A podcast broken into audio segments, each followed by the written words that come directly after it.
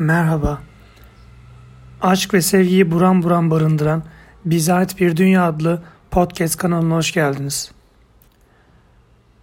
Bu hafta Ümit Yaşar Oğuzcan'ın Sahibini Arayan Mektuplar adlı mektup silsilesinin 12.sini sizlerle paylaşıyor olacağım. Geçen haftaki 11. mektupta ölmekten bahsetmiştim. Bu haftaki mektup yani 12. mektup yeniden doğmayı barındırıyor. Ölmedim işte. Ölemedim. Demek ki yaşamam gerekliydi. Bir gizli kuvvet olmalı bizi yaşatan. Yaşamakla ölmek arasındaki maceramızı düzenleyen, çaresizliğimizi her yerde yüzümüze tokat gibi indiren bir kuvvet olmalı. Şimdi seni daha çok seviyorum. Meğer ölüm senin kadar güzel değilmiş.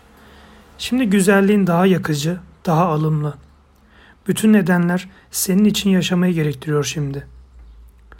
Nasıldım, nasıldım o gece, o gün bilemezsin. Eski taş binalar üstüme yıkılıyordu. Başımda parçalanıyordu vitrinlerin camları. Her taşıt beni ezip geçiyordu yanımdan. İnsanlar alnımda yürüyordu çamurlu pis ayaklarıyla. Rüzgar gırtlağıma yapışmış bir el gibiydi. Kitaplar, dergiler, gazeteler gördüm boyalı dükkanlarda. Hepsi ölmek diyordu. Yalnız ölümdü gördüğüm kaldırımlarda. Artık her şey boştu, yalandı. Kirli bir çamaşırdı üzerimde yaşamak. Umutlarımı yitirmiştim.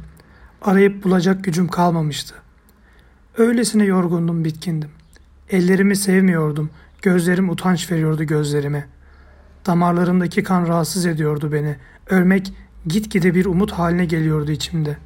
Büyüyor, büyüyordu. Boşlukta bir tel gerilmeye başladı. Gerildi, gerildi. Sonra kan rengi bir karanlığa düştüm. Duvarlar kırmızıydı. Yerler, masalar, sokaklar, insanlar hep kırmızıydı. Ama karanlıktı yine, korkunç bir karanlıktı. Kırmızı sisler içindeydim. Dört yanım denizdi, kıpkızıl. Sonra rengi değişti çevremin. Bulutlar dağılmaya başladı. İlk gün ışığı gibi merhaba dedi pencereden yeşil yapraklar el salladı. Bir adam uzun uzun öksürdü. İlk ellerimi buldum vücudumda. Derken ayaklarımı, gözlerimi, dudaklarımı, saçlarımı buldum. Ve seni düşündüm. İşte o zaman yaşadığımı anladım. Utandım.